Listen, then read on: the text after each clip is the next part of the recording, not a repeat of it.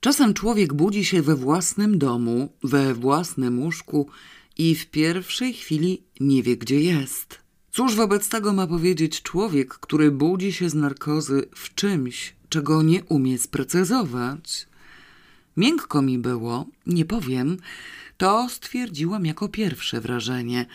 Oprócz tego trochę mi było jakby niedobrze i zalęgła się we mnie myśl o wodzie mineralnej. Myśl była raczej dość oderwana. Przybrała postać bulgocącego, pieniącego się, szemrzącego źródełka, którego luby szmer zagłuszał mi uporczywy, jednostajny, denerwujący dźwięk. Trwało to chwilę, nie podobało mi się, wobec czego otworzyłam oczy. Nade mną znajdował się biały, dziwaczny, półokrągły sufit. Jako sufit to to właściwie było do niczego niepodobne. Możliwe więc, że po prostu nie było sufitem. Czas jakiś wpatrywałam się w to bezmyślnie, po czym spróbowałam spojrzeć na boki. Coś, co miałam z jednej strony, uznałam po zastanowieniu za oparcie kanapy, krytej czarną skórą, z tych, których cena w Kopenhadze zaczyna się od pięciu tysięcy i idzie w górę. Tak drogie oparcie jakoś mnie zadowoliło, wobec czego spojrzałam w drugą stronę. Musiałam patrzeć dość długą chwilę, żeby pojąć, co widzę.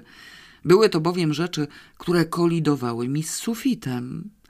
Stoliki, fotele, dywan i inne tym podobne elementy powinny znajdować się według mojego rozeznania w normalnym pomieszczeniu, nie zaś w beczce o półokrągłym sklepieniu. Z sufitem za to zgodziły mi się okna. Długi rząd małych okienek w łagodnie wygiętej ścianie, które też przy okazji skojarzyły mi się z tym uporczywym, jednostajnym pomrukiem. Nad oparciem mojej kanapy też były takie okienka i wreszcie musiałam się pogodzić z faktem, że najwyraźniej w świecie znajduję się w samolocie. Co gorsza, ten samolot najwyraźniej w świecie leciał. Charakter nie pozwolił mi dłużej spoczywać w bezruchu. Spróbowałam kolejno wszystkich części kadłuba. Najpierw ostrożnie, a potem nieco śmielej. Całość działała, niemiłe uczucie w środku zaczynało ustępować. Zlazłam więc z kanapy, która istotnie okazała się kanapą krytą czarną skórą. Przeniosłam się na fotel pod oknem i wyjrzałam. Zobaczyłam przestrzeń, jakąś przeraźliwą, nieograniczoną przestrzeń, która swoim ogromem obudziła we mnie w pierwszej chwili niepokój. Czy przypadkiem nie znajduję się w kosmosie? Ale zaraz potem przypomniałam sobie, że w kosmosie powinno być ciemno i natychmiast się uspokoiłam. Przestrzeń była pełna światła i po chwili udało mi się nawet odróżnić jej poszczególne elementy. Nade mną było bezgraniczne niebo, pode mną równie bezgraniczna woda, między nimi zaś dawał się zauważyć horyzont. Gdzie u diabła mogłam się znajdować razem z tym idiotycznym samolotem? Powoli zaczęłam przychodzić do siebie tak fizycznie, jak umysłowo. Rozejrzałam się nieco przytomniej po wnętrzu i stwierdziłam, że na kanapie leży moje własne rodzone palto. Obok kanapy spoczywa kapelusz, torba i siatka, perukę zaś nadal mam na głowie. Nogi miałam bose, to znaczy tylko w pończochach, a kozaczki leżały z drugiej strony kanapy. Innymi słowy, było wszystko. Strat materialnych na razie nie poniosłam. Myśl o stratach materialnych skłoniła mnie do obejrzenia z kolei torby i siatki. Obie te rzeczy nadal były wypchane pieniędzmi. Cholernie uczciwi bandyci, pomyślałam z niejakim zdziwieniem. Nie wiadomo dlaczego w ogóle się nad tym nie zastanawiając, od pierwszej chwili nabrałam przekonania, że musieli mnie porwać bandyci. Z jakiej przyczyny mieliby to uczynić i w jakim celu, tego na razie nie rozstrzygałam. Możliwe, że było to po prostu moje pobożne życzenie, bo zawsze miałam upodobanie do sensacyjnych urozmaiceń. Zamiast się zacząć bać, Zaciekawiłam się wysokością wygranej i przeliczyłam fundusze. Pewno musiałam trochę dziwnie wyglądać, siedząc na tej kanapie bez butów, w angorskim swetrze, ze straszliwą kupą zgruchomionych banknotów na kolanach i dookoła i z otępiałym wyrazem twarzy. Doliczyłam się 15 820 koron. Z pewnym trudem, uświadomiwszy sobie, że wynosi to przeszło 2000 dolarów, uznałam, że jest nieźle i pod pieniędzmi znalazłam papierosy. Zapaliłam jednego i natychmiast stwierdziłam, że kategorycznie muszę teraz zrobić dwie rzeczy: umyć się i napić wody mineralnej. Dopiero potem zacznę się zastanawiać. W tak wytwornie wyposażonym aeroplanie musiały się znajdować niewątpliwie także urządzenia sanitarne. Postanowiłam je znaleźć. Z jakichś niesprecyzowanych powodów wydawało mi się, że lepiej będzie zachowywać się cicho, nie robić zamieszania, nie wzywać pomocy i w ogóle udawać, że nadal trwam w narkotycznym śnie. Co do tego, że oprócz mnie muszą się tam znajdować jeszcze jacyś ludzie, nie miałam najmniejszych wątpliwości. Chociażby pilot. Nie byłam pewna natomiast, co to za ludzie i w mojej duszy kołatała się przezorna nieufność. Na podstawie znajomości wnętrz normalnych samolotów ruszyłam najpierw ku tyłowi. Rozeznanie, gdzie tył, a gdzie przód, przyszło mi jakoś samo. Drzwi wyglądały zwyczajnie i nawet miały klamkę. I już ujęłam tę klamkę, kiedy coś usłyszałam. Głosy, ludzkie głosy, dobiegające nikło właśnie z za tych drzwi. Puściłam klamkę i przyłożyłam do nich ucho. Przykładałam to ucho do rozmaitych miejsc, aż wreszcie znalazłam takie, w którym dało się coś usłyszeć. Ludzie za drzwiami rozmawiali po francusku, co mnie od razu ucieszyło. Niektóre fragmenty dobiegały mnie w charakterze szmeru, niektóre zaś wyraźniej, a to, co usłyszałam, od razu okazało się nad wyraz interesujące. Idiotyzm rozległo się najwyraźniej wypowiedziane gniewnym, stanowczym tonem. Nie przeszukasz całej Europy centymetr po centymetrze. Nie możemy jej zabić, nic jej nie możemy zrobić, dopóki nie powie. Cóż za kretyńska pomyłka! Krzyknął ze zniecierpliwieniem drugi głos i przez chwilę słychać było tylko szmer. Po chwili dźwięki znów się wzmogły. Na pewno się zorientuje, usłyszałam. A nawet jeśli nie, to wystarczy, że powie policji. Wystarczy to, co zobaczy. Po jakiego diabła ją było zabierać? No nie było innej możliwości. Trudno, stało się. Głosy przecichły, po czym znów się podniosły. To nam przecież nie powie, zawołał któryś. Sam bym nie powiedział. Mam propozycję, zawołał drugi. Spróbujmy ją zaangażować. Szef się nie zgodzi. Idiota, ale ona się zgodzi. Powie, a potem nieszczęśliwy wypadek. Znów przez chwilę szemrali. Udział, dobiegło mnie, a procent do omówienia. Możemy obiecać bardzo dużo. To jest myśl. Wypuścić w żadnym razie. Pilnować jak oka w głowie aż do przybycia szefa. Jedyna nasza szansa to wydusić z niej przedtem. Jeśli nie zapomniała, znów ciągły, nieartykułowany szmer. Oczywiście, że potem zlikwidować bez śladu, wykrzyknął z gniewem głos, który wydawał się przewodzić rozmowie. I to nie ordynarnie, nie na chama, jak to jest w twoim zwyczaju, ale rzeczywiście bez śladu. Absolutnie nie możemy ryzykować. Czy ona jeszcze śpi? Zaniepokoił się nagle inny głos, co sprawiło, że kangurzem wręcz skokiem znalazłam się z powrotem na kanapie. Nie położyłam się, uznawszy, że siedzieć mam prawo, a symulacja całkowitego otępienia przyjdzie mi bez trudu. Drzwi ciągle jeszcze pozostawały zamknięte, a tajemnicze osobnicy zwlekali ze sprawdzeniem mego stanu. Co się dzieje do diabła? Pomyślałam z niebotycznym zdumieniem i w niejakim popłochu. Co ja mam im powiedzieć? Pomyłka? Jaka pomyłka? Powiedzieć? A, nieboszczyk! Rąbnął się widać. A to rzeczywiście pomyłka i faktycznie kretyńska. Z nadmiaru wrażeń oprzytomniałam do reszty i w skupieniu zaczęłam oceniać sytuację. Zostałam widocznie obarczona jakąś wstrząsająco ważną informacją. Zaraz, co to on mówił? Wszystko złożone 148 od 7, 1200, 2 od B jak Bernard, 2,5 metra od centrum. Zaraz, coś jeszcze. Aha, wejście zakryte wybuchem. E, nie, jeszcze coś. O jakimś rybaku. Nie, nie rybaku. Połączenie handlarza ryb Diego i coś tam. Co u diabła? A, pa, dri. I tego nie skończył. Ciekawa, co to może być. Nie przeszukasz Europy. Chyba coś gdzieś schowali, a to był szyfr określający miejsce i ten świętej pamięci półgłówek akurat mnie o tym powiadomił. Rzeczywiście, nie miał kogo. Te jakieś tam swołocze za ścianą chcą, żebym im to powtórzyła. Jeśli pamiętam.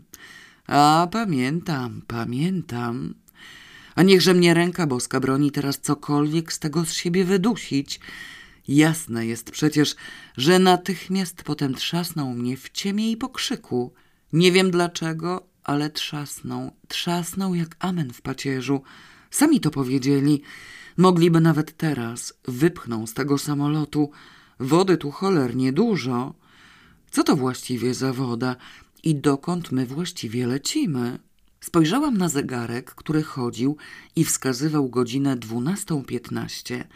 Nakręciłam go odruchowo i zaczęłam się dalej zastanawiać. Woda i woda, jak okiem sięgnąć, a wygląda na to, że lecimy bardzo wysoko. Taka duża woda to może być tylko jakiś ocean. Może by nie starczyło, mowy nie ma. Z uczuciem błogiego szczęścia, nieznacznie zmąconego niepokojem, wyciągnęłam z siatki święty atlas. Do dyspozycji miałam dwa oceany, a start musiał nastąpić gdzieś w okolicach Kopenhagi. Nie przespałam dwóch dób, bo zegarek by nie chodził i nie wieźli mnie chyba niczym innym. Atlantyk i Pacyfik. Nad Atlantyk na lewo, nad Pacyfik na prawo.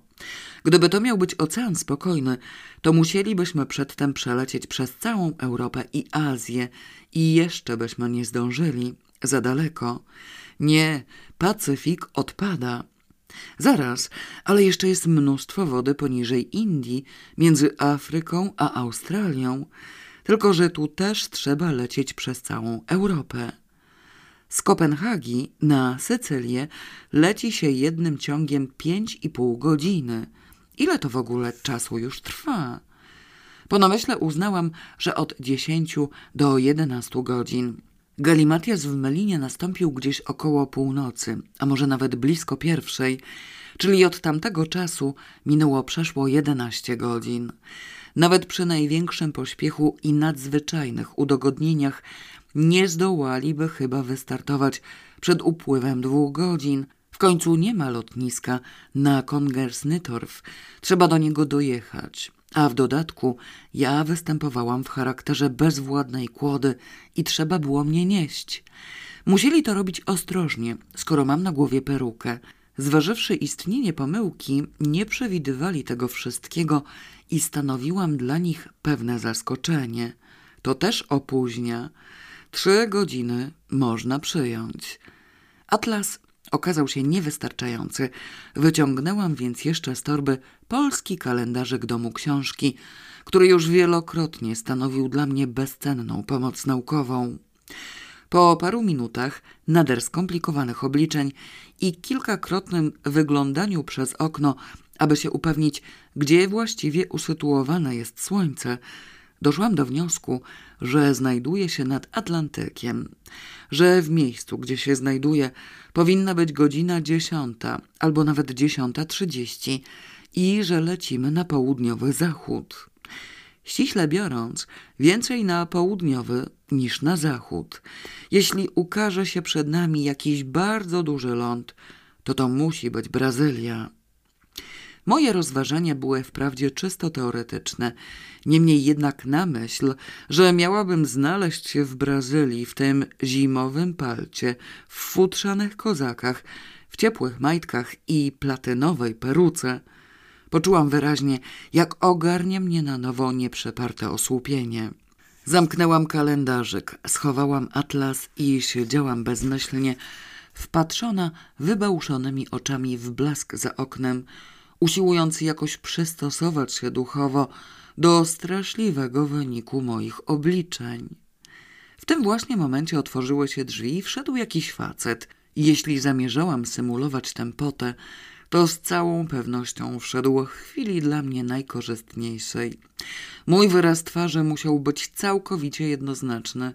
Jedyny niepokój, jaki mógł się w nim obudzić, to wątpliwość, czy w ogóle jestem przy zdrowych zmysłach. Sądzę, że nieuleczalny debilizm powinien mu się wydać najbardziej prawdopodobny. Zatrzymał się przy drzwiach i rzucił szybkie spojrzenie równocześnie na mnie i na całe wnętrze. Jego wygląd sprawił, że poczułam się do reszty skołowana. Na pierwszy rzut oka robił wrażenie chudziutkiego młodzieniaszka i dopiero po bliższym przyjrzeniu się można było stwierdzić, że ma co najmniej 35 lat. Miał przy tym niewinną twarzyczkę o różanej cerze niemowlęcia, niebieskie wytrzeszczone oczki i rozczochrany kołtun jasno-żółtych kłaków na głowie. Z całą pewnością można go było uznać za blondyna. Trzebaż nieszczęścia, że dawno temu przed laty pewna wróżka przepowiedziała mi, iż zasadniczym mężczyzną mego życia, takim na wieki i do grobu, będzie blondyn. Uwierzyłam w to z żywą przyjemnością, bo zawsze miałam upodobania do blondynów. Tymczasem rzeczywistość gwałtownie przeczyła wyroczni, uporczywie obdarzając mnie szatynami i brunetami, co jednym to czarniejszym, budząc przy tym ciągły niepokój w głębiach mojej duszy. Z niezłomną wiarą w przepowiednie wciąż oglądałam się na boki w poszukiwaniu tego przeznaczonego i stanowiłam w ten sposób potencjalne niebezpieczeństwo dla wszystkich blondynów świata. Odruch już miałam. Co blondyn, to podejrzany. I teraz, oto w sensacyjnych okolicznościach, w romantycznej sytuacji, objawił mi się w tych drzwiach blondyn, kurza jego twarz. Na litość boską pomyślałam w panice. Wszystko, tylko nie to. Rozczochrane kłaki, niezbyt długie, ale za to kręcone, poruszały mu się na głowie każdy oddzielnie, jakby żyły własnym życiem. I nic dziwnego, że tym bardziej siedziałam nieruchomo, wlepiając w niego osłupiały wzrok. Bonjour, mademoiselle, powiedział uprzejmie ruszając w moim kierunku. To mnie otrzeźwiło natychmiast. Jeśli do mnie, matki dorastających synów, facet zwraca się per mademoiselle, to znaczy, że zdecydowali się rozpocząć polubowne pertraktacje. Czyli na razie nic mi nie grozi, nie trzasnął mnie w ciemię i mogę sobie pozwalać. Bonjour, monsieur, powiedziałam znacznie mniej uprzejmie i natychmiast ciągnęłam dalej. Poproszę wody mineralnej, bardzo mocnej herbaty z cytryną.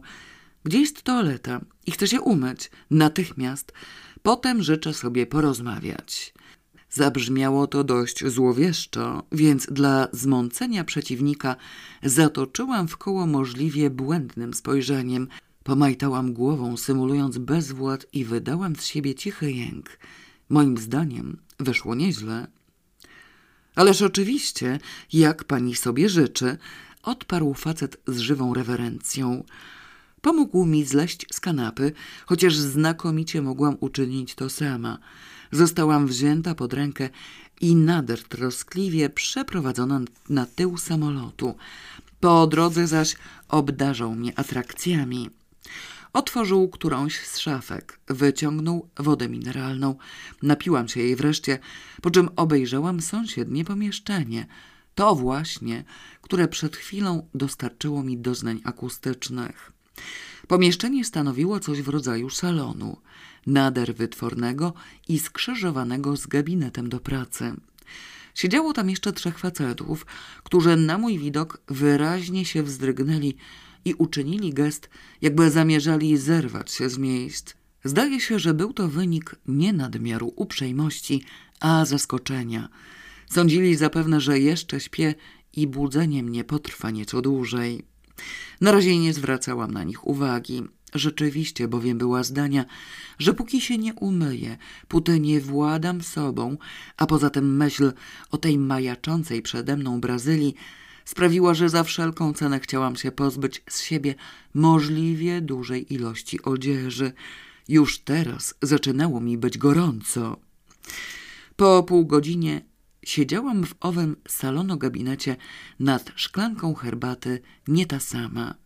Zdecydowałam się już na rolę słodkiej idiotki na wysokim poziomie, zachowującej się z godnością i nieco urażonej. Zdążyłam też przyjrzeć się facetom. Zewnętrznie nic szczególnego sobą nie reprezentowali.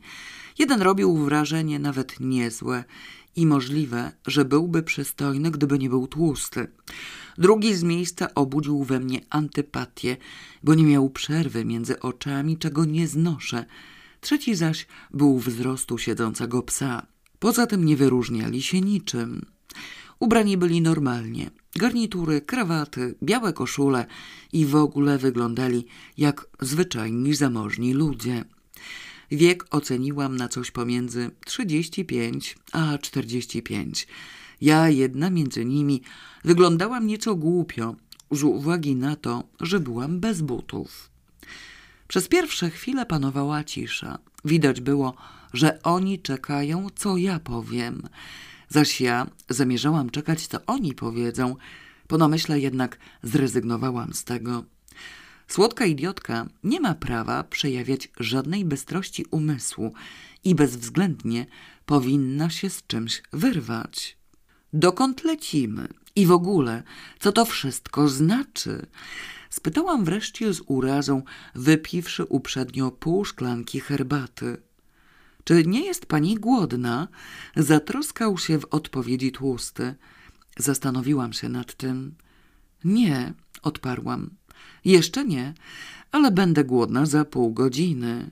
Ależ proszę bardzo, mademoiselle, dostanie pani wszystko, czegokolwiek pani sobie życzy. Z satysfakcją pomyślałam, że zwłóczą, żeby mnie rozgryźć i sięgnęłam po papierosa. Czekam na wyjaśnienia, oświadczyłam lodowato. Rozczochrany poruszył się, też zapalił, po czym rzekł. Zdarzyła się nieprzyjemna historia. Przypomina pani sobie zapewne. Oddawaliśmy się rozrywce, która była nielegalna i nagle wpadła tam policja. Zatrzymał się i na chwilę popadł w zamyślenie. Wulgarne oświadczył, krzywiąc się z bezgranicznym niesmakiem, po czym ciągnął dalej. Pani się źle poczuła. Nic dziwnego. Emocje, pełno dymu, może zdenerwowanie. Byliśmy zdania, że nie można pani tak zostawić. Znajdowaliśmy się przecież po tej samej stronie barykady. Przepraszający, pełen zakłopotania uśmiech, który przywołał na tę niewidną, niebiesko-oką, niemowlęcą twarzyczkę, był tak szczery, że gdybym nie podsłuchała przedtem podejrzanej i krew w żyłach mrożącej dyskusji, z pewnością byłabym gotowa w to uwierzyć. Otworzyłam oczy maksymalnie szeroko i wszelkimi siłami starałam się z kolei przywołać na oblicze wyraz jak najsłodszego zidiocenia. Trzeba było zniknąć bardzo szybko, ciągnął rozczochrany. Nie znaliśmy pani przecież, nie znaliśmy pani adresu, nic kompletnie, więc po prostu zabraliśmy panią ze sobą. Trzej pozostali zaczęli nagle kiwać głowami wśród radosnych, również nieco zakłopotanych uśmiechów, żywo przyświadczając tej wypowiedzi. Mało brakowało, a zaczęliby klaskać. Byłam zupełnie pewna, że żadnego z nich nie widziałam w pobliżu siebie w owej malinie, nie mówiąc już o tym, że jeśli ktokolwiek się tam źle czuł, to z pewnością nie ja. Bardzo panom dziękuję, powiedziałam z umiarkowaną wdzięcznością. Obawiam się tylko, czy nie zabrali mnie panowie odrobinę za daleko. Panowie wydali z siebie grubsze i cieńsze śmieszki dla udokumentowania, że doceniają mój ekstraordynaryjny dowcip.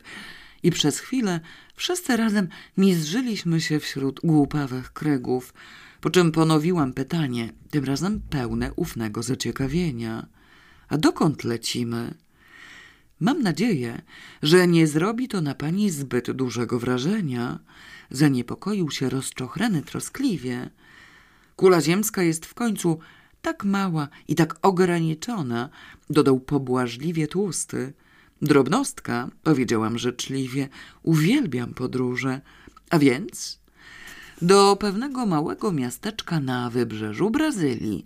Wyjaśnił wreszcie rozczochrany, czyniąc przy tym lekceważący gest, którym odległość do Brazylii sprowadzał do odległości między Grójcem a Tarczynem.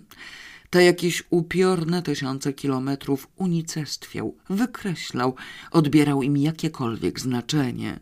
Cóż za różnica w końcu, czy prosto z Kopenhagi lecę przez ocean do Brazylii, czy przez kanał do Melmy. Przez chwilę milczałam, głównie z podziwu dla siebie, jednak tak dobrze zgadłam, po czym pozwoliłam sobie okazać pewien niepokój. Ależ ja nie mam wizy, zawołałam starannie, demonstrując zdziwione zmartwienie. Nie mam żadnych rzeczy. Tam jest przecież gorąco. Nie będę miała się w co ubrać. Poza tym muszę przecież wrócić. Mam nadzieję, że panowie. Wytrzeszczyłam na nich oczy, mrugając rzęsami z nadzieją, że wychodzi to dostatecznie głupio i bezradnie. W osiąganiu wyrazu kretyńskiej ufnej słodyczy wspięłam się na szczyty swoich możliwości i zaczęłam mieć obawy, że długo w tym nie wytrwam.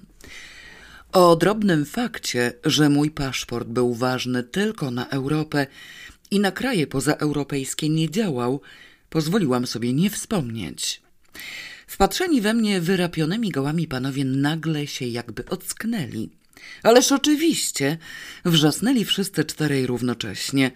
Proszę nie mieć żadnych obaw, zaopiekujemy się panią, wszystko pani dostanie.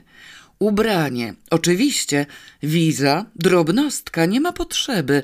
Lądujemy bezpośrednio, nikt się nie będzie pytał. Powrót, jasne, w każdej chwili. Świat, można powiedzieć, miałam u stóp. Raczyłam wyrazić zgodę na zjedzenie śniadania. Czterej panowie usiedli do stołu wraz ze mną. Serwował kelner w białym fraku, szałciał i uprzęży. W trakcie posiłku sonda ruszyła. Z pewnością najbardziej wstrząsnęła panią śmierć tego nieszczęśnika, powiedział ze współczuciem tłusty. Nic dziwnego, że pani się źle poczuła. Zmarł przecież na pani rękach. Westchnął ciężko i wzniósł oczy ku górze, jakby zamierzał właśnie odmówić modlitwę za duszę nieboszczyka. Uznałam, że powinnam się dostosować. Odłożyłam widelec i westchnęłam nie mniej przejmująco. Tak, to było straszne. Przeświadczyłam z dreszczem zgrozy. Straszne. Do tej pory się z tego nie otrząsnęłam. Na wszelki wypadek postanowiłam natychmiast stracić apetyt, bo i tak już się najadłam, a w ogóle nigdy w życiu nie lubiłam obfitych śniadań. Wspomnienie wstrząsu powinno na mnie ostro podziałać. Dla nas jest to szczególnie przykre, westchnął rozczochrany. Znaliśmy go, zwłaszcza pan. I wskazał małego, który przełknął gwałtownie, kiwnął głową i przybrał boleściwy wyraz twarzy. To był mój przyjaciel, powiedział. Po francusku mówił zdecydowanie gorzej niż pozostali. Mój bardzo dobry przyjaciel. Chciałem być przy nim zamiast pani w ostatnich chwilach życia. Czas jakiś wszyscy poświęciliśmy na rzewne wzdychanie i wznoszenie oczu ku górze, po czym mały ciągnął dalej. Jego ostatnie westchnienie, ostatnie słowa. Chciałem je usłyszeć, dać odpowiedź, on mówił do pani, proszę, niech mi pani powtórzy ostatnie słowa mojego przyjaciela. Znakomicie, pomyślałam pełna uznania. Gdyby im jeszcze ta boleść lepiej wychodziła, każdy by się narwał. Nie mogę, odparłam z westchnieniem wręcz rozdzierającym. Nie zrozumiałam ich. Skrzyżowanie spojrzeń przez panów było prawie nieuchwytne. Jak to? Wyrwał się niespokojnie ten bez przerwy między oczami, ale natychmiast zgasił go rozczochrany. Bredził? spytał ze współczuciem. Tak sądzę, odparłam smutnie. Jakieś słowa bez związku, prawie niedosłyszalne. Proszę, niech mi pani powtórzy te słowa, wyjęczał mały. Mogą być bez sensu, ale to są ostatnie słowa mojego przyjaciela. Zachowam je na zawsze w pamięci. Poczułam, że wybrana przeze mnie rola ma swoje mankamenty. Wrobiłam się. Nie ma na świecie słodkiej idiotki o dobrym sercu, a one wszystkie mają dobre serca, która by w takiej sytuacji nie stanęła na głowie, żeby tej żebrzącej zołzie powtórzyć cholerne ostatnie słowa jego przyjaciela. Resztki sił umysłowych poświęciłaby, żeby sobie przypomnieć. Jakie mam z tego wybrnąć do licha ciężkiego? Nie pamiętam, powiedziałam prawie ze łzami w oczach, ale ja pana rozumiem, spróbuję sobie przypomnieć. Tam był taki hałas, zamieszanie. Chciałam mu pomóc, on ledwo oddychał. Czterej panowie patrzyli na mnie w takim napięciu, że też ledwo oddychali. Przekazany mi przez nieboszczyka szyfr musiał być dla nich co najmniej kwestią życia i śmierci. Zaczęła mnie wypełniać coraz żywsza ciekawość, którą czułam się zmuszona starannie ukrywać. Symulując przypominanie i od czasu do czasu rzewnie wzdychając, dokonywałam pośpiesznej, intensywnej pracy myślowej. Wmówić w nich, że nic nie dosłyszałam i nic nie pamiętam, to chyba nie będzie dobrze, bo wówczas stracą powód utrzymywania mnie przy życiu.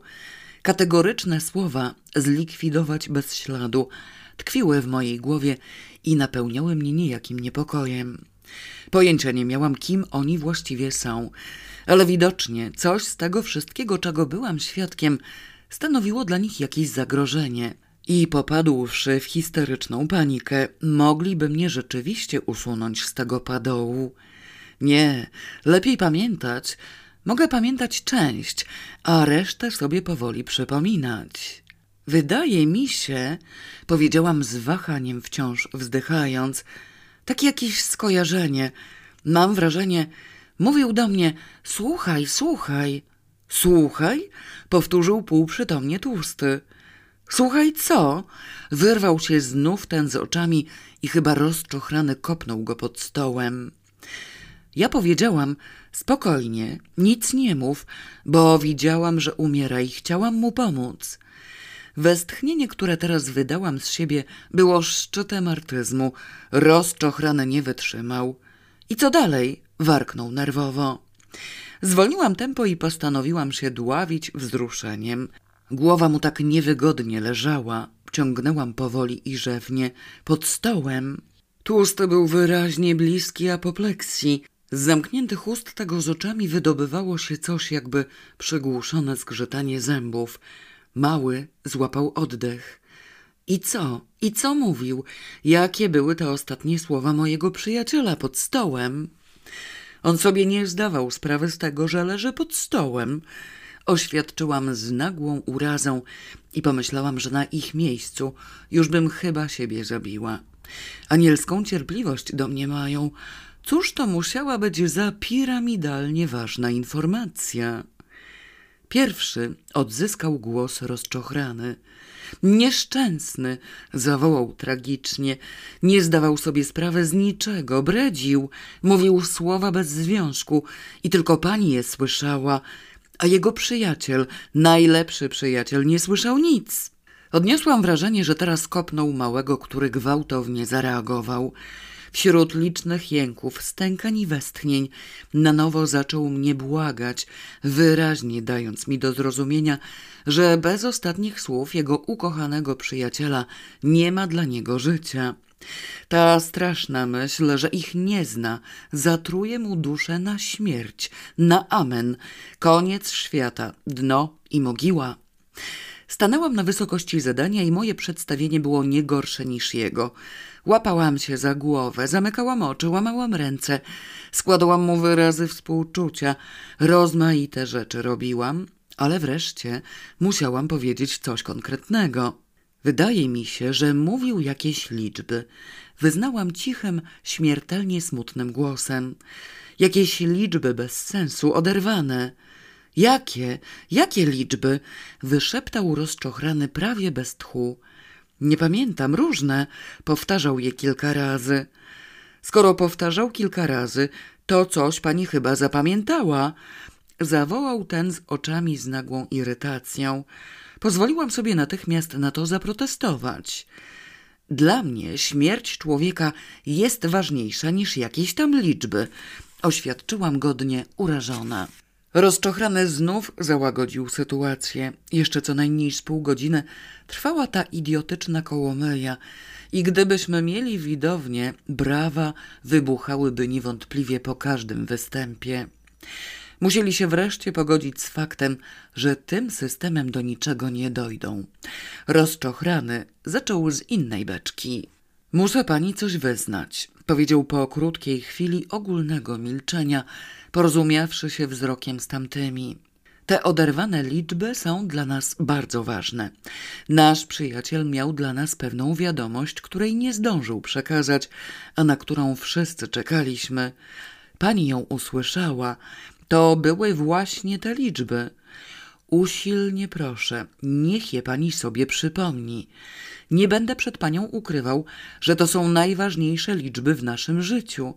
Prosimy panią o pomoc.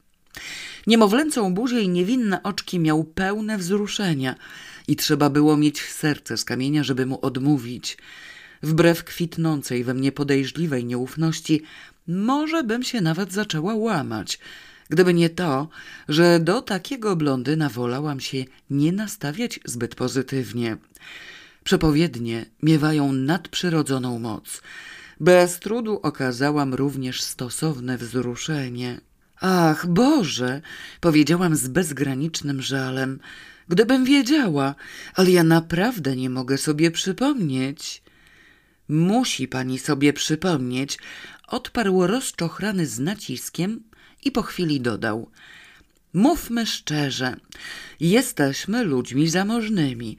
Ten wysiłek pamięci i tę przysługę wynagrodzimy pani, bardzo wysoko wynagrodzimy. Potraktujemy to jak interes. Rozumiem, przerwałam mu. Spróbuję sobie przypomnieć, postaram się, ale co będzie, jeśli nie zdołam? Oderwane liczby bardzo trudno zapamiętać. Niebieskie oczki rozczochranego nagle zlodowaciały. W ułamku sekundy atmosfera uległa metamorfozie. Wszyscy czterej zesztywnieli, patrzyli na mnie bez słowa i gdybym była odrobinę mniej lekkomyślna z natury, powinnam się zupełnie porządnie wystraszyć. Tylko pani słyszała te liczby, powiedział rozczochrany powoli. I tylko pani może je sobie przypomnieć. Z prawdziwą przykrością będziemy zmuszeni narzucić pani nasze towarzystwo tak długo, aż odzyska pani pamięć. Proszę? Zdziwiłam się uprzejmie, chociaż spodziewałam się właśnie czegoś takiego. Co to znaczy? To znaczy, że jest pani dla nas bezcennym skarbem, razem z pani pamięcią. Będzie pani musiała pozostać z nami, otoczona naszą opieką, jak prawdziwy, bezcenny skarb. Wyglądało na to, że zwolna zaczynamy odkrywać prawdziwe oblicza. Czy mam rozumieć, że nie pomogą mi panowie wrócić do Kopenhagi? Spytałam nadal z niewinnym, niebotycznym, uprzejmym zdziwieniem. Przeciwnie, będziemy zmuszeni przeszkadzać pani wszelkimi siłami w powrocie do Kopenhagi, a nasze możliwości są dość duże. Przez chwilę milczałam. To nie jest dobra metoda, oświadczyłam z łagodnym niesmakiem. Mogłabym się przestraszyć, a ze strachu tracę pamięć już zupełnie. Dzięki poprzednim argumentom zaczęłam sobie coś przypominać i prawie wiedziałam pierwszą liczbę, a teraz mi to znowu wyleciało z głowy. Ten bez przerwy między oczami nie wytrzymał. Zerwał się od stołu, wybulgotał z siebie jakieś nieznane mi słowa i wypadł z salonu. Pozostali również okazali pewne zdenerwowanie. Myślę, że przypomniałabym to sobie, gdybym znalazła się w tym samym miejscu, w którym to słyszałam. W tym samym pokoju w Kopenhadze. Panowie rozumieją, takie skojarzenie optyczno-akustyczne. Propozycję z góry uważałam za dość beznadziejną, ale co mi szkodziło spróbować? Pomimo istotnie namiętnego upodobania do podróży, uznałam, że jednak znacznie prościej i wygodniej dla mnie będzie, jeśli odwiozą mnie do Kopenhagi tą samą metodą, jaką mnie stamtąd wywlekli. I pieniędzy mi było szkoda i zdawałam sobie sprawę, że bez wizy i z nieważnym paszportem wszelkie wojaże napotykają rozmaite głupie trudności. Nic z tego, powiedział rozczochrany, a niebieskie oczy ciągle miał lodowate. Myślę, że prędzej pani sobie to przypomni, nie mogąc wrócić do Kopenhagi. I myślę, że doprawdy lepiej dla pani będzie przypomnieć sobie jak najszybciej. Dalsza konwersacja stanowiła mieszaninę gruźb, próśb, umizgów, szantażu i przekupstwa. Stanęło wreszcie na tym, że przedkładamy pokojowe współistnienie nad otwartą wojnę. Zażądałam czasu i spokoju, wyznając niezgodnie z prawdą, że trochę pamiętam, a trochę nie. Postaram się przypomnieć sobie resztę, a potem się zastanowię. Oni zaugali, że mi wierzą i na nowo wróciliśmy do wzajemnych rewerencji. Nie mogąc na razie zrobić nic innego, zamierzałam spokojnie popatrzeć, co z tego wszystkiego wyniknie. Nie byłam zbytnio przestraszona. Znacznie większą obawą napełniłby mnie zapewne napad pijanych chuliganów. Zaistniała sytuacja była tak dziwaczna i nieprawdopodobna, że przepełniające mnie zdumienie nie zostawiało miejsca na lęk. Wręcz przeciwnie, byłam wręcz mile zaskoczona atrakcyjnością przygody, która wcale nie wydawała mi się niebezpieczna. Nie przewidywałam nawet potrzeby interwencji policji, będąc zdania, że z pewnością sama dam sobie radę.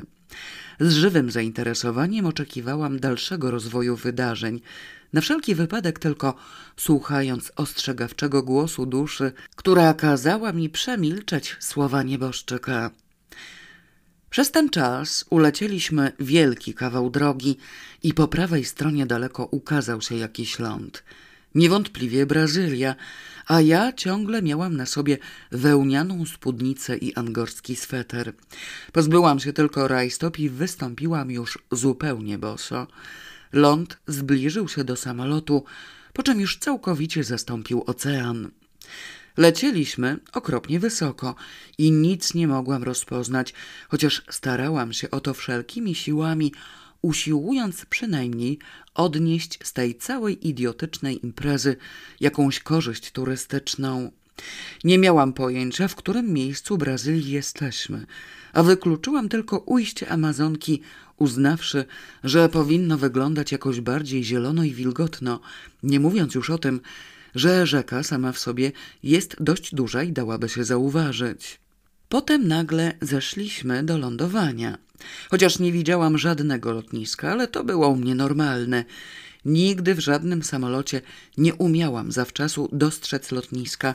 Nawet okęcia nie potrafiłabym rozpoznać i każde zejście do lądowania stanowiło dla mnie niesłychane zaskoczenie. Zawsze mi się też wydawało, że pasy startowe są czystą imaginacją i siadamy w kartoflisku, na torach kolejowych, na dachach budynków lub też w innym niestosownym terenie. Tym razem usiedliśmy w miejscu, gdzie pasy startowe istniały, ale za to nie było zabudowań. Zabudowanie zobaczyłam po chwili, bardzo daleko, prawie na horyzoncie. Oczekiwałam jakichś komplikacji, kontroli paszportowej, celników, czegoś w tym rodzaju, z satysfakcją przewidując melanż, jaki wywoła moja obecność. Tymczasem nic takiego nie nastąpiło. Tuż obok samolotu znalazł się nagle helikopter. Górne śmigło powoli się kręciło. W imponującym tempie zostałam przetransportowana wraz z całym dobytkiem do nowego środka lokomocji. Zdążyłam pomyśleć, rany boskie, upiekę się i już znów byliśmy w powietrzu. Organizację to oni mieli sprawną, nie da się ukryć. Siedziałam przy oknie i znów usiłowałam coś zobaczyć. Lecieliśmy nieco niżej, ale krajobraz pod spodem nic mi nie mówił. Wydedukowałam sobie tylko, nie po krajobrazie oczywiście, ale po słońcu, że wracamy ku morzu. Konwersacja toczyła się dość niemrawo, z pominięciem zasadniczego tematu. Rozczochrany zainteresował się moją znajomością języków obcych. Bez oporu powiadomiłam go, że najlepiej mówię po polsku i to prawie od urodzenia. Zaprezentowałam swoją nieco osobliwą znajomość angielskiego oraz mściwie oświadczyłam, że włoski jest bardzo łatwy I w ogóle romańska grupa językowa przedstawia dla mnie miętę z bubrem. Zacytowałam nawet fragment łacińskich wierszy, których uczyłam się w szkole i które nie wiadomo dlaczego do dziś dnia pamiętam. Zamierzałam zamącić im w głowach i odebrać możliwość porozumiewania się przy mnie jakimś językiem, którego bym zupełnie nie rozumiała. To, że swobodnie i beztrosko mogli mówić po duńsku, nie przyszło im do łba, bo też istotnie moja gruntowna nieznajomość duńskiego po tak długim pobycie w Danii była nie do pojęcia. Do tej nieznajomości przyznałam się z całym spokojem, przekonana, że mi nie uwierzą i rzeczywiście nie uwierzyli. Zaczęło im już brakować języków, więc spytali o niemiecki. Radośnie odparłam, że znam go znakomicie, po czym poproszona o jakiś dowód na to, popadłam w głębokie zamyślenie. Iś habe, powiedziałam, zastanowiłam się jeszcze dłużej i zakończyłam z triumfem. Donnerwetter! Towarzystwo w helikopterze dostało napadu wesołości i tak sobie lecieliśmy dalej miło i przyjemnie. Miałam nadzieję, że udało mi się pobudzić ich do logicznego myślenia. Logicznie rzecz biorąc, bowiem francuski znałam. Po włosku od biedy mogłam się dogadać, pamiętałam łacinę. Istotnie więc romańskie języki mogły przedstawiać sobą pewne niebezpieczeństwo. Słowiańskie odpadały w przedbiegach. Mój długi pobyt w Danii pozwalał podejrzewać, że skandynawskie chociaż trochę rozumiem. Angielski znałam nieco, chociaż widać było, że nie najlepiej i w ogóle jakoś dziwnie, i w rezultacie pozostawał im już tylko niemiecki. Chiński, japoński i rozmaite narzecze arabskie są na ogół mało rozpowszechnione, nie brałam więc ich pod uwagę. Jeśli usiłowałam twierdzić, że znam także i niemiecki, to z pewnością tylko po to, żeby oni go nie używali. Rozumowanie było proste i nader logiczne i byłam zdania, że powinni je przeprowadzić. Przyszłość wykazała, że miałam rację. Cała ta dziwna i skomplikowana kombinacja brała się stąd, że niemiecki miałam opanowane w bardzo osobliwy sposób. Mówić nim nie umiałam, ale rozumiałam prawie wszystko. Przez długi czas Alicja, której pomimo imponujących talentów językowych duński szedł jak z kamienia, porozumiewała się z Torkildem po niemiecku. Spędzając w tym domu całe godziny i uczestnicząc w rozmowach, Przypomniałam sobie biernie cały niemiecki, jakiego uczyłam się w szkole i oprócz tego douczyłam się jeszcze mnóstwo. Zatajanie przede mną rozmaitych wiadomości za pomocą wygłaszenia ich po niemiecku stanowiłoby dla mnie samą przyjemność. Oglądany pod helikopterem teren oceniłam jako dość skaliste pagórki, czasem wyższe, czasem niższe, gdzie niegdzie były porośnięte zielenią, a gdzie niegdzie gołe. Okropnie zależało mi na tym, żeby dopasować rzeczywistość do mapy i wreszcie dowiedzieć się, gdzie jestem, bez konieczności wypytywania o to moich prześladowców, którzy przecież mogli zełgać. Po pewnym czasie, daleko na horyzoncie, pojawiło się morze, to znaczy ocean, a wkrótce potem zobaczyłam coś nad wyraz dziwnego. Pagórki wystąpiły w postaci skał o pionowych zboczach, i w poprzek takiego jednego zbocza coś lazło, wijąc się nieco, jakby było przylepione do skały. Długo usiłowałam rozszyfrować to samodzielnie, ale nie udało mi się. Co to jest? spytałam ciekawie, wskazując rzecz palcem. Pociąg odparł krótko rozczochrany. Zwariował, pomyślałam. Nie rozumiem, powiedziałam z niesmakiem. Jaki pociąg? Kolejka linowa? Pociąg na szynach, droga żelazna, wyjaśnił tłusty z pobłażliwym uśmiechem. Idzie po takim moście wbudowanym w skałę. Mogło w tym coś być. Zaczęłam się przypatrywać pilniej. Zbliżyliśmy się do owych zboczy i nagle prawie tuż przed nami ujrzałam coś jakby wspornikową galerię, rzeczywiście zaopatrzoną w szyny. Jej dalszy ciąg dawało się zauważyć w miejscach, gdzie świeciło słońce w cieniu mi nikła. Fantastyczne! Przejęta podziwem i szacunkiem, przyglądałam się temu z takim zainteresowaniem, że całkowicie przeoczyłam resztę terenu. Po czym znów zaskoczyło mnie nagłe zejście do lądowania. Okazało się, że jesteśmy nad samym oceanem. Zdążyłam dostrzec jakąś bardzo dużą zatokę. Nad zatoką zaś miasto, wokół którego roiło się od jednostek pływających. Obniżyliśmy się jeszcze bardziej i tym razem wyjątkowo zobaczyłam lądowisko. Taras wśród skał, nie budzący żadnych wątpliwości, że tu właśnie musimy usiąść. Przestałam mrugać oczami, żeby już nic więcej nie przeoczyć i udało mi się dojrzeć wokół tarasu coś, co po namyśle można było uznać za budynki. W każdym razie były to jakieś kubistyczne konstrukcje budowlane wtopione w skały. Nic więcej nie zauważyłam, ponieważ usiedliśmy wcale nie na owym uprzednio dostrzeżonym tarasie, który znikł mi z oczu, tylko na innym, którego oczywiście nie zauważyłam. W ostatniej chwili zdążyłam cofnąć bosą stopę, którą już zamierzałam postawić na posadzce. Nawet gdyby te płyty kamienne były lodowato zimne, to też upierałabym się, że są rozpalone, bo rozpalone wydawało mi się wszystko. Bluzka z Angory przegryzała mnie na wylot, spódnica grzała jak termofor. Spod peruki, której postanowiłam nie zdejmować do końca, spływał mi pot, rozmazując resztki makijażu. Dusiłam się jak gęś w rondlu, w garści ściskałam torbę i upiornie ciężką siatkę. Na resztę mojej zimowej odzieży usiłowałam nie patrzeć i wyraźnie czułam, jak w środku narasta mi gwałtowna furia. W takim stroju mnie zawieść do Brazylii. O, chamy niemyte! O, pardon, mademoiselle, prosimy o wybaczenie. Wrzasnął tłusty i już po chwili, bulgocząc niczym garnek z ukropem, przeszłam po matach słomianych do co prawda oszklonej, ale przynajmniej zadaszonej części kubistycznej konstrukcji. Maty w błyskawicznym tempie donieśli jacyś faceci, którzy pojawili się na tarasiku w chwili naszego wylądowania. W środku natychmiast zrobiło się chłodniej. Klimatyzacja działała widocznie jak w Pałacu Kultury. Zostałam doprowadzona prosto do przeznaczonych mi apartamentów. W głowie mignęła mi mglista myśl, że coś takiego nawet na kapitalistycznych filmach z życia wyższych sfer widywałam rzadko, ale nie byłam w stanie teraz się tym zajmować. Rozebrać się, rozebrać się i umyć za wszelką cenę. Wąt stąd, warknęłam po polsku i od razu przetłumaczyłam na francuski. Chcę zostać sama. Która godzina? Za dziesięć piąta, odparł tłusty z niejakim zaskoczeniem. Gdzie za dziesięć piąta? Tutaj? No tu oczywiście.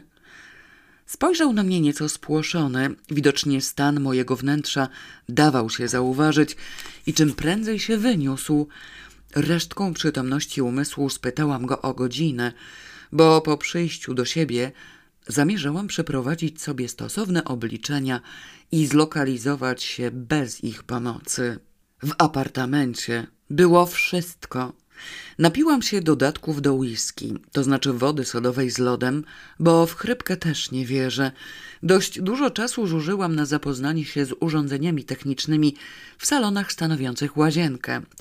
W nieprzewidzianym momencie zalałam się wodą od stóp do głów, bo ze ściany trysnęła mi nagle kurtyna wodna w poziomie. Rozpyliłam po całym pomieszczeniu coś jakby lodowatą mrzawkę.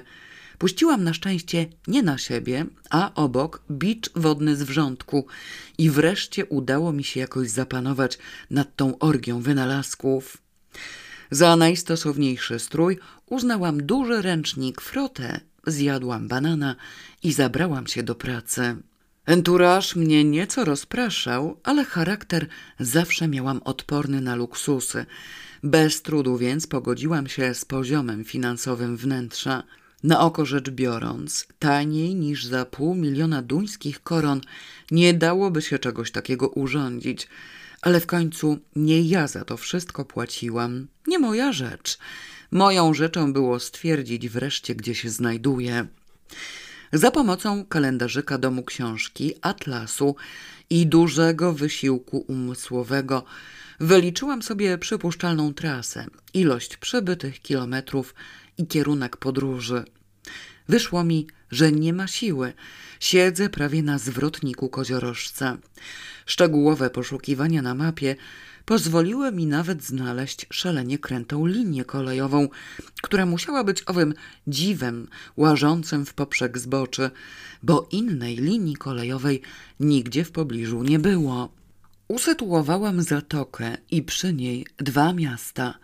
Jedno większe nad samym brzegiem oceanu, drugie zaś małe w głębi zatoki. Jedno według atlasu nosiło nazwę Paranagua, a drugie Antonina. Nareszcie, nareszcie wiedziałam, gdzie jestem. Usatysfakcjonowana sukcesem i pełna triumfu, rozejrzałam się dookoła nieco szerzej. Za oknami widać było z jednej strony ocean, a z drugiej zaś wyłącznie skały. Zmieszanymi uczuciami pomyślałam sobie, że zawsze na urlopie chciałam mieć pokój z widokiem na morze i nigdy jakoś nie mogłam tego osiągnąć.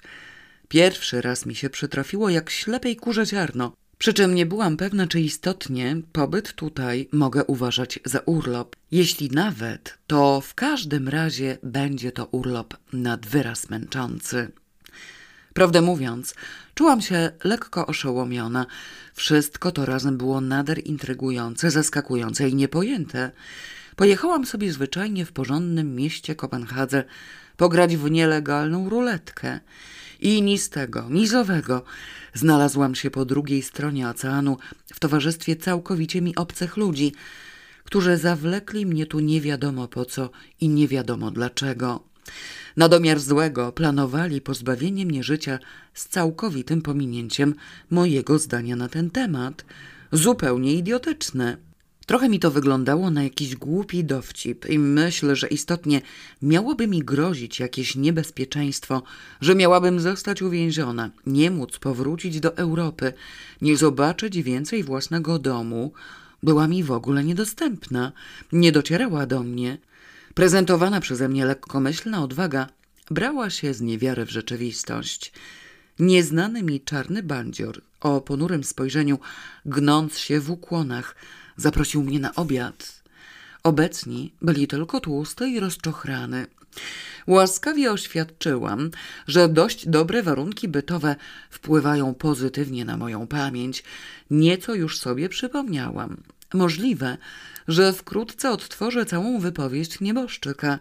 A teraz proszę mi się postarać o jakąś damską odzież. Wszystko będzie jeszcze dzisiaj, odparł rozczochrane sucho i na chwilę zapadło milczenie. Gdzie jest plaża? Spytałam z nienacka, bo przyszło mi do głowy, że mogłabym dodatkowo wykorzystać ten pobyt tutaj i trochę się opalić. Obaj, tłusty i rozczochrane, spojrzeli na mnie wzrokiem cokolwiek zbaraniałym. Widocznie branki w jasyrze rzadko myślały o opalaniu.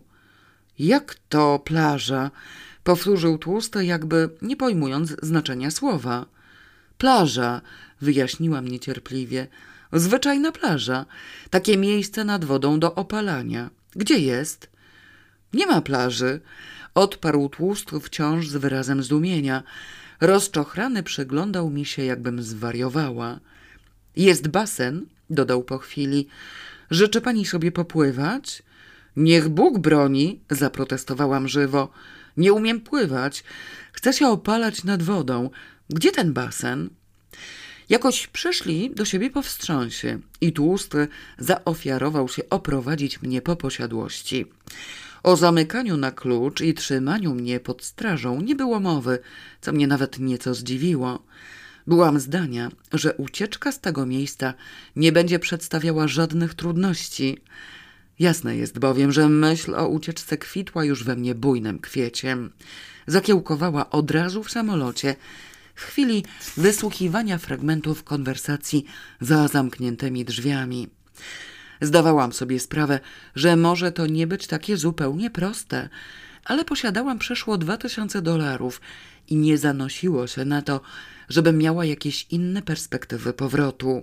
Faceci robili wrażenie upartych. Beznadziejne sytuacje wpływają na mnie dopingująco i byłam przekonana, że na pewno coś wymyślę. Na razie nie miałam jeszcze szczegółowego rozeznania terenu, nie snułam więc żadnych konkretnych planów. Zwłaszcza, że nie wydawało mi się najsłuszniejsze uciekać w ręczniku kąpielowym i boso. Za bardzo rzucałabym się w oczy wszystkim po drodze. Po powrocie do apartamentu znalazłam dwie potwornie wielkie walizy z pełną wyprawą. Pojęcia nie miałam, jakim cudem zdążyli tak szybko, ani też kto to wybierał, ale trafili bezbłędnie, nawet z numerem obuwia. Zaczynając od kostiumów kąpielowych, poprzez spodnie z frędzlami, których poprzysięgłam za skarby świata na siebie nie włożyć, aż do wytwornych wieczorowych toalet. Było wszystko. Prawdopodobnie znaleźli po prostu jakąś ekspedientkę moich rozmiarów i kazali jej skompletować garderobę na długotrwały, ekskluzywny urlop.